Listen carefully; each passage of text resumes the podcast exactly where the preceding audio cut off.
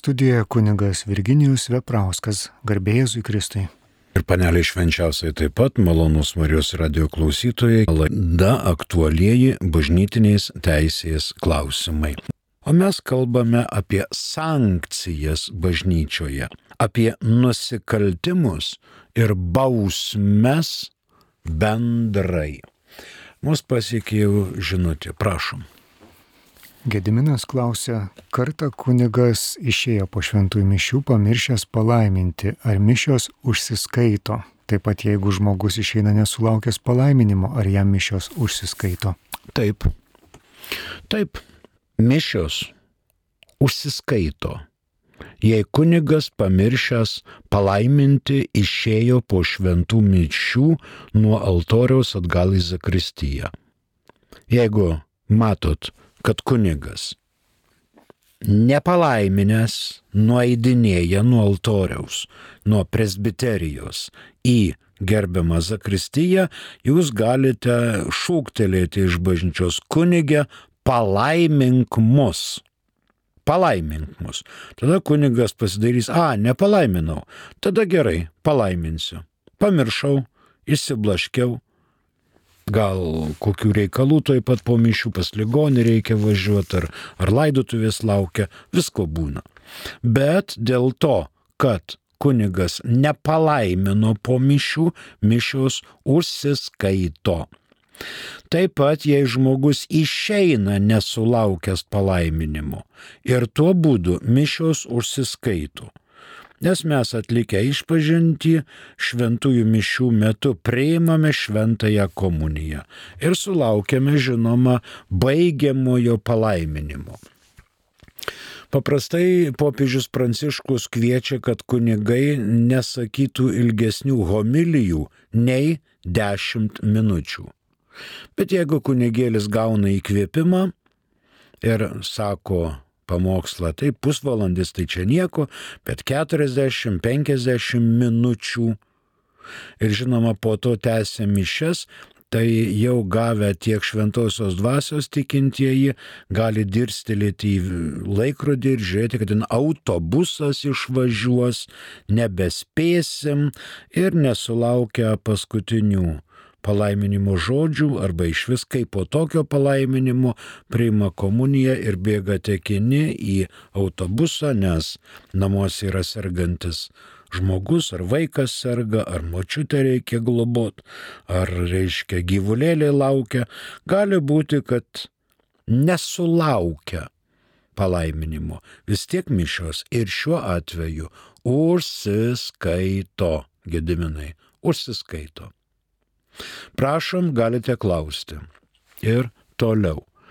Mūsų telefono numeris Kaune 32 32 30 Kauno kodas 837. Trumpųjų žinučių telefono numeris yra kitas - 865 049 107. O mes kalbame tiesiai toliau apie sankcijas bažnyčioje apie nusikaltimus ir bausmes bendrai. Ir mus pasiekė šitas 1312 kanonas, kurio praeitoje laidoje nebespėjome pasiaiškinti iki galo. Baudžiamosios sankcijos bažnyčioje yra. Jų yra turbūt ar ne dvi rūšys. Tai gydomosios bausmės ir atperkamosios bausmės. Gydomosios ir atperkamosios bausmės. Gydomosios 1331-32 kanonai. Galime pasiklausyti apie gydomasias bausmes ekskomunikuotajam asmeniui draudžiama bet kokiu būdu dalyvauti tarnystėje, celebruojant Eucharistinę auką ar atliekant bet kokias kitas kulto ceremonijas. Ekskomunikuotam asmeniui draudžiama celebruoti sakramentus, ar sakramentalijas ir priimti sakramentus. Ekskomunikuotajam asmeniui draudžiama vykdyti bažnytinės pareigybės ar tarnystės ar bet kokias kitas pareigas ar atlikti valdymo veiksmus. Jei ekskomunika buvo skirta ar paskelbta, kaltininkas norintis veikti, bet kokiu dalyvau, būdu dalyvauti e, tarnystėje, privalo būti iš ten pašalintas arba turi būti nutrauktas liturginis veiksmas, nebent prieštarautų svarbi priežastis. Mes dar nebaigėme, mus pasiekė dar viena mintis, prašom. Kaip šiais metais ar švesime Marijos apsireiškimo jai didžioji savaitė? E, taip, švesime. Taip kaip parašyta rubruose. Čia turbūt kovo 25, jeigu aš gerai e, prisimenu. Kovo 25. Nes kovo 31 yra Velykos o didžioji savaitė. Reikia žiūrėti, kiekvienas kunigas turi rubrus, bet dar netėjo tos dienos ir žinoma, mes pasiskaitysime ir paskelbsime tikintiesiems. Kovo 25, kaip rodoma, didysis pirmadienis. Taip, didysis pirmadienis. O ten kas yra solemnitas, festum ar dar kas nors. Tiesiog didžiosios savaitės eilinė diena. Didžiosios savaitės eilinė diena. Be festum ir be solemnitas. Be festum, be solemnitas. Reiškia, tada bus tik tai paminėjimas, bet ne šventimas. Šventimas yra su glorija arba su kredo, o čia bus tik tai paminėjimas. Ačiū už pataisymus. Taigi, gydomosios bausmės arba cenzūros toliau vardiname jas. Negaliojamai atlieka valdymo veiksmus, kurie pagal pirmąjį paragrafą yra ir trečiąjį numerėlį yra neteisėti. Užsitraukia draudimą naudotis anksčiau suteiktomis privilegijomis negali galiojimai siekti paaukštinimų, pareigybės ar kitos pareigos bažnyčioje. Netenka teisės į pajamas, gautas iš paaukštinimų, pareigybės, bet kokių pareigų, pensijos, kurią galbūt gautų bažnyčioje. Toliau 1332 kanonas. Čia prie gydomųjų bausmių. Užsitraukęs interdiktą asmuo saistomas draudimų, apie kuriuos kalbama čia aukščiau išvardintame kanone, jei interdiktas yra skirtas ar paskelbtas, turi būti laikomasi kanonų nuostatų. Na ir 1333. Suspensa gali būti taikoma tik dvasininkams. Iškia suspensa tik dvasininkams. Ir draudžia visus ar kai kuriuos šventimų galios veiksmus. Draudžia visus ar kai kuriuos valdymo galios veiksmus. Draudžia visų ar kai kurių su pareigybė susijusių teisių ar pareigų vykdymą. Įstatymė ar įsakymė gali būti nustatyta, kad po kaltinamojo nuosprendžio ar bausmės paskelbimo suspenduotasis negali galiojamai atlikti valdymo veiksmų. Draudimas niekuomet netaikomas. Bausmę nustatančio vyresniojo galiai nepriklausančioms pareigoms ar valdymo galiai. Draudimas niekuomet netaikomas teisėjai į gyvenamąją vietą, jei kaltininkas ją turėjo dėl pareigybės. Draudimas niekuomet netaikomas teisėjai administruoti gerybės, kurios tuo metu gali priklausyti suspenduotojo pareigoms, jei bausmė yra letė sentencija. Na ir pagaliau suspensą draudžianti gauti pajamas, stipendiją, pensiją ar ką nors kitą, apima taip pat ir pareigą gražinti tai, kas buvo gauta neteisėtai, nors ir gera valia. Tai yra gydomosios bausmės arba cenzūros. Dabar kita padala - atperkamosios bausmės. 1336. Atperkamosios bausmės, kurios gali būti skirtos nusikaltusiam asmeniui arba visam, arba nustatytam, arba neapibrieštam laikui. Be tų kurios kartą nustatė įstatymas, yra dar ir šios. Draudimas arba įsakymas gyventi konkrečioje vietoje ar teritorijoje. Yra šios. Galios, pareigybės, pareigos, teisės, privilegijos, įgaliojimo, malonės, titulo, insignijų suteiktų tik dėl garbės atėmimas. Toliau. Draudimas vykdyti tai, apie ką kalbame čia anksčiau išvardintame, arba draudimas tai daryti konkrečioje vietoje arba už jos ribų šie draudimai niekada nesukelia niekinumo. Toliau. Baudžiamasis perkelimas į kitą pareigybę. Na, buvo klebonas, perkelė į vakarus. Ir pagaliau pašalinimas iš dvasininkų luomų. Ir toliau išvardytos atperkamosios bausmės gali būti letė sentencija.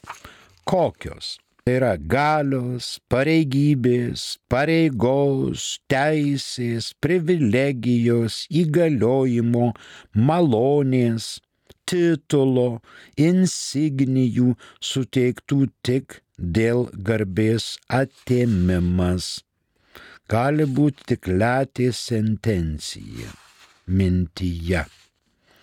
Draudimas vykdyti tai arba draudimas tai daryti konkrečioje vietoje arba už jos ribų, šie draudimai niekada nesukelia niekinumo. Tai antra padala prie baudžiamųjų sankcijų bažnyčioje gydomosios bausmės ir atperkamosios bausmės. Dabar kitas po prie 1312 kanono antrasis paragrafas. Įstatymas gali nustatyti kitas atperkamasias bausmes, kurios atima iš Kristaus tikinčiojo kokią nors dvasinę ar laikinąją gerybę. Ir atitinka ant gamtinį bažnyčios tikslą.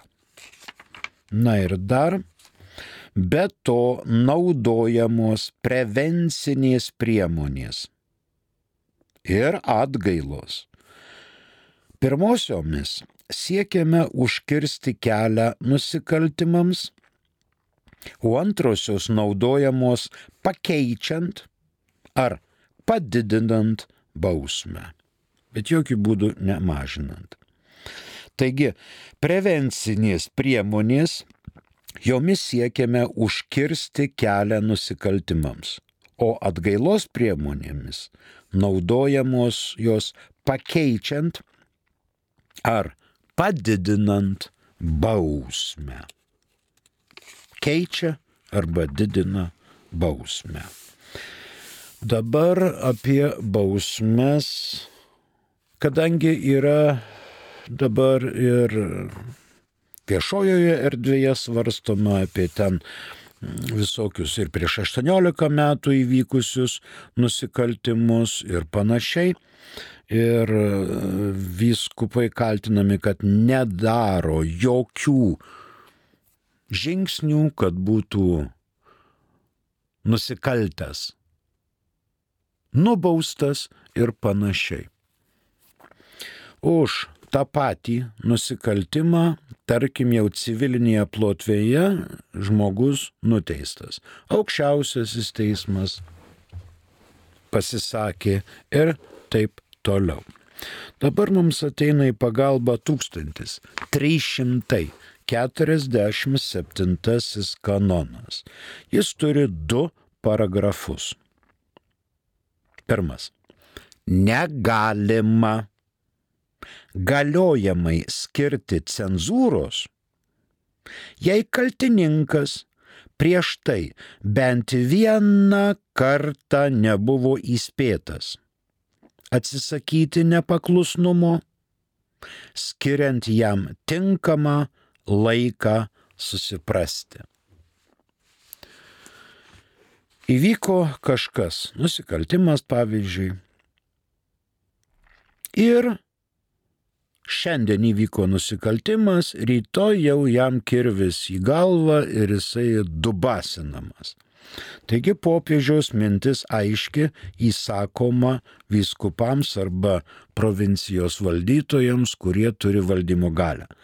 Negalima galiojamai skirti cenzūros, jei kaltininkas prieš tai bent vieną kartą nebuvo įspėtas. Atsisakyti nepaklusnumo, turint jam tinkamą laiką skiriant susiprasti. Šiandien padarė nusikaltimą ir šiandien arba rytoj atėjo informacija viršininkam.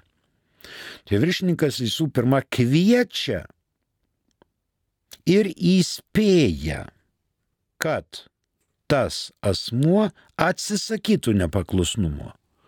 Jeigu jis sako, o man čia nieko, aš čia taip dariau ir darysiu, man čia vienodai rodo tada įspėjimas yra ir vyresnysis vyskupas duoda tinkamą laiką susiprasti. Savaitę, dvi, mėnesį, pusmetį, priklausomai nuo situacijos. Ir jeigu kaltininkas nesusipranta, nepalieka šito blogojo kelio, tada vyresnysis jau gali skirti cenzūrą gali ir iškart skirti cenzūrą. Bet popiežius aiškiai rašo, negalima galiojamai skirti cenzūros. Galima švaistytis, šiandien daryti čia tik iškart, aš turiu galę ir čia visi man paklūstate ir aš taip darau. Ne, yra procesas, kurio privalu laikytis. Taigi cenzūros negalima skirti galiojamai, jei kaltininkas prieš tai bent vieną kartą nebuvo įspėtas. Kaltininkas turi būti įspėtas bent vieną kartą. Atsisakyti nepaklusnumo.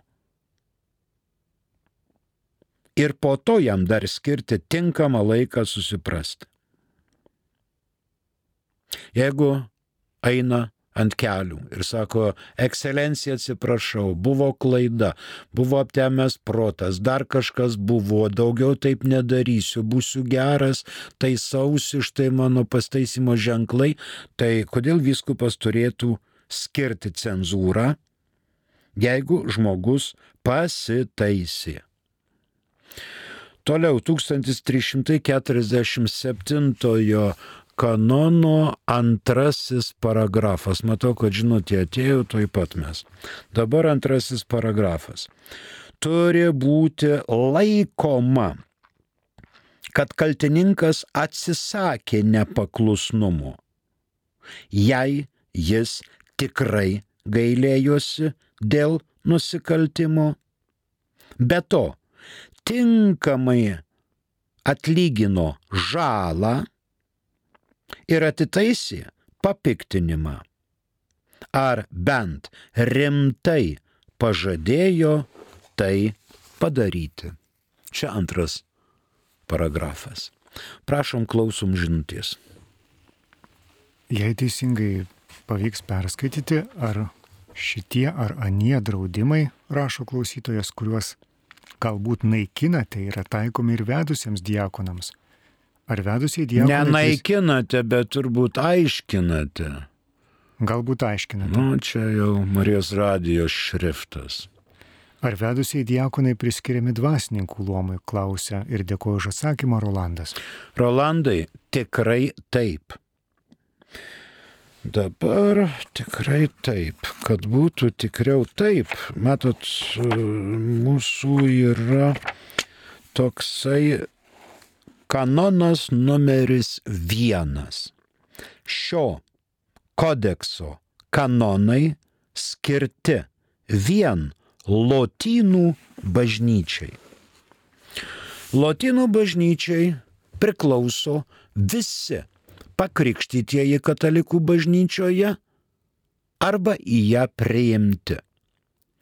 Norint tapti diakonu, reikia būti pakrikštytų, priejusiu prie pirmos komunijos, prie sutvirtinimo sakramento ir prieimusiu diakono šventimus. Taip, diakonas yra dvasininkas. Ir visi šita bilibirda, kas čia skaitoma, yra taikoma ne tik dvasininkams, bet visiems pakrikštytiesiems. 1311. Bažnyčia turi prigimtinę ir savą teisę skirti baudžiamasias sankcijas nusikaltusiems Kristaus tikintiesiems. Tai ne vien diekonam, kunigam, vyskupam, kardinolam, bet nusikaltusiems Kristaus tikintiesiems. Rolandai diekonai irgi vedę ar nevedę, jie yra Kristaus tikintieji ir šitos sankcijos taikomos taip pat ir jiems. Ir jiems galioja 1347 kanonas ir antrasis paragrafas, apie kurį mes dabar kalbame. Dar kartą kartojam turi būti laikoma, kad kaltininkas atsisakė nepaklusnumo, jei jis tikrai gailėjosi dėl nusikaltimo. Be to, tinkamai atlygino žalą ir atitaisė papiktinimą, ar bent rimtai pažadėjo tai padaryti.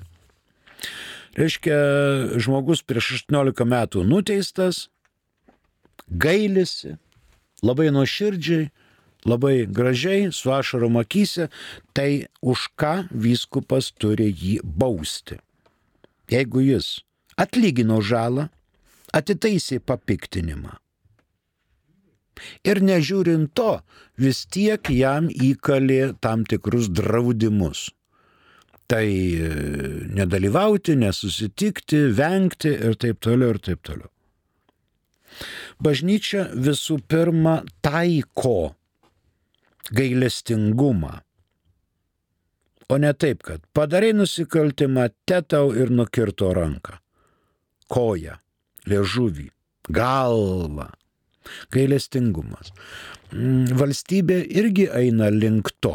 Prisiminkite, pavyzdžiui, kad ir tam pačiam Kaune technikos gatvėje, kaip atrodė nepilnamečių kalėjimas tada prieš kelis dešimtmečius ir kaip atrodo dabar.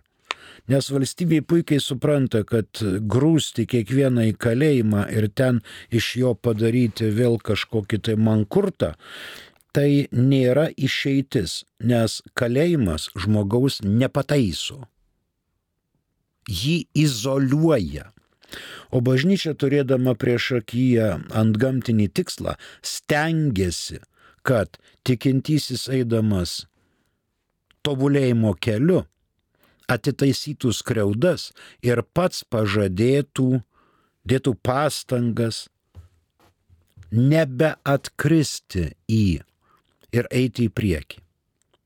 Tam žinoma yra ir atlaidai, tam žinoma yra dvasinės pratybos, tam yra gyvenimo stilius, tam yra išpažintis, tam yra dažna šventa komunija, kad žmogus neužkietėtų nuodėmėje, bet turėtų galę ir teisę naudotis bažnyčios teikiamomis malonėmis ir sakramentais, kad jis taisytųsi. Jeigu jau žmogus užsispyręs savo nepaklusnume, tada jau galima jam skirti ir bausmytę. Galima. Bet visuomet įstatymų leidėjas viskupijoje yra vietos viskupas. Mes turim septynės viskupijas. Lietuvoje. Vienoje viskupijoje viskupui atrodo vienaip, kitoje viskupijoje viskupui gali atrodyti ir kitaip ir Lietuvos vyskupų konferencijos pirmininkas neturėtų visuomet kalbėti visų vyskupų vardu, nes pilnateisis šeimininkas savojoje vyskupijoje yra vietos vyskupas. Ali vyskupų konferencija nutarti vienus dalykus, o koks nors vienas ar keli vyskupai Lietuvoje sakys, na ne, Mano viskupijoje to jau nebus. Aš taip neskelbsiu ir taip nesielgsiu. Ir vyskupo sostas yra dieviškos kilmės, o viskupų konferencijos pozicija yra žmogiškos kilmės. Turėtų visi vyskupai kalbėtis, susitarti ir prieiti prie vienos minties. Jeigu visi balsuoja šimtų procentų, tada galime tokį dalyką įvesti arba kažką išimti. Nežiūrint to, jeigu vienas ar kitas grįžta namo ir sako, na, ne taip aš balsavau, aš atsijimu savo balsą ir mano viskupijoje jau šito tai tikrai nebus. Ir jis yra teisus. Visoje Lietuvoje veikia galioja, o jo viskupijoje negalioja nes jis yra pelna teisis įstatymų leidėjas. Tokią galę vyskupas turi. Turi tokią galę. Nes jam yra patikėta valdyti vyskupiją. Tai yra mokyti, šventinti ir valdyti. Ir ką nori, tą daryk. Vyskupas yra teisus. Ir jam priklauso žinoti kanonų teisės kodeksą ir elgtis taip. E, kad elgtis taip ir stebėti, kas dedasi su kunigėliais, kada jie teisiami, kada jie kaltinami, kada kokie tyrimukai vykdomi. Jis kaip tėvas su sūnumis. Kartais būna taip, kad vyskupas, vietos vyskupas yra jaunesnis amžiumi už klebonus, bet vis tiek jis yra tėviškoje pozicijoje, o kunigai yra sūniškoje pozicijoje. Tai dabar toliau šnekam apie 1312 kanoną. Kaip girdėjote, naudojamos prevencinės priemonės ir atgailos. Prie prevencinių priemonių joms skiriamas užkirtimas, kelio nusikaltimams užkirtimas. Jeigu stebisi koks kitas dalykas, jau vyskupas gali priimti prevencinės priemonės, kad užkirstų kelią nusikaltimui. O kitos priemonės, prevencinė atgailos priemonės yra naudojamos pakeičiant ar padidinant bausmę. Galima bausmę ir pakeisti. Galima bausmę dispensuoti. Galima bausmę padidinti. Jeigu matom, kad teismas per mažą bausmę uždėjo, gali ganytojas ordinaras kaip atgailą padidinti bausmę, kad jis čia nevaikščytų pasišvilpaudamas ir nedžiugėtų, kad jis taip, anaip, šitaip ar kitaip. Jo tokios bėdos. Tai va apie sankcijas bažnyčioje apie nusikaltimus ir bausmes bendrai ir apie bausmės skyrimus už nusikaltimus bendrai. Tai čia kalbame apie 1312 kanoną, kad šiek tiek mums paaiškėtų e, bažnyčios mintis po antrojo Vatikano susirinkimo. Nes bažnyčia niekad nebijo tiesos, bažnyčia visuomet bijo klaidos, kad nesuklystų. O šitie įsakymai, kanonų teisės kodeksas yra paruoštas ir paskelbtas bažnyčioje tam, kad padėtų bažnyčiai vykdyti savo misiją vykdyti savo misiją, nu, subordinuotą į antgamtinį žmonių tikslą, į amžiną į gyvenimą. Bažnyčia tvirtina, kad žmogus yra nuodėmingas, o eklezija santa et simul pekata. Bažnyčia yra šventa ir lygiai tiek pat nuodėminga. Šventa dėl to, kad bažnyčios įkūrėjas Jėzus Kristus yra šventas, o nuodėminga bažnyčia dėl to, kad mes, bažnyčios nariai, esame nuodėmingi. Ir nieko čia nepadarysi. Bažnyčia yra, aišku, mes kažką gavom turbūt. Na, pagarsinkit šitą žinutę. Rašoma, kad tie, kurie bastėsi po svietą ir parvežė virusą užkrėsdami kitus ir į kapus pasiūsdami atsakys prieš Dievą ar ne? Tikrai ne. Bastytis po svietą, parvežti virusą, parvežti mandarinų, passion frutų, bananų, apelsinų, mandarinų galima.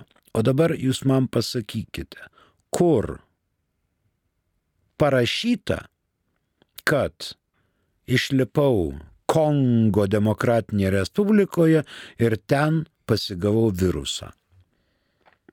Ten skrisdami į tuos kraštus, žinoma, visi ryja tabletės prieš malariją, kokios trys dienos prieš skrydį ir grįžus čia penkias dienas dar perdolina tas tabletes.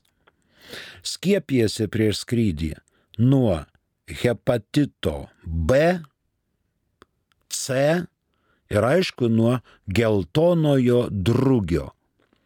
Jeigu nusileidi ten Respublikoje ir paskelbama kokia nors epidemija, tai tu gali savo europietišką pasą susikišti atgal į piniginę ir tu privalai rodyti skiepų pasą.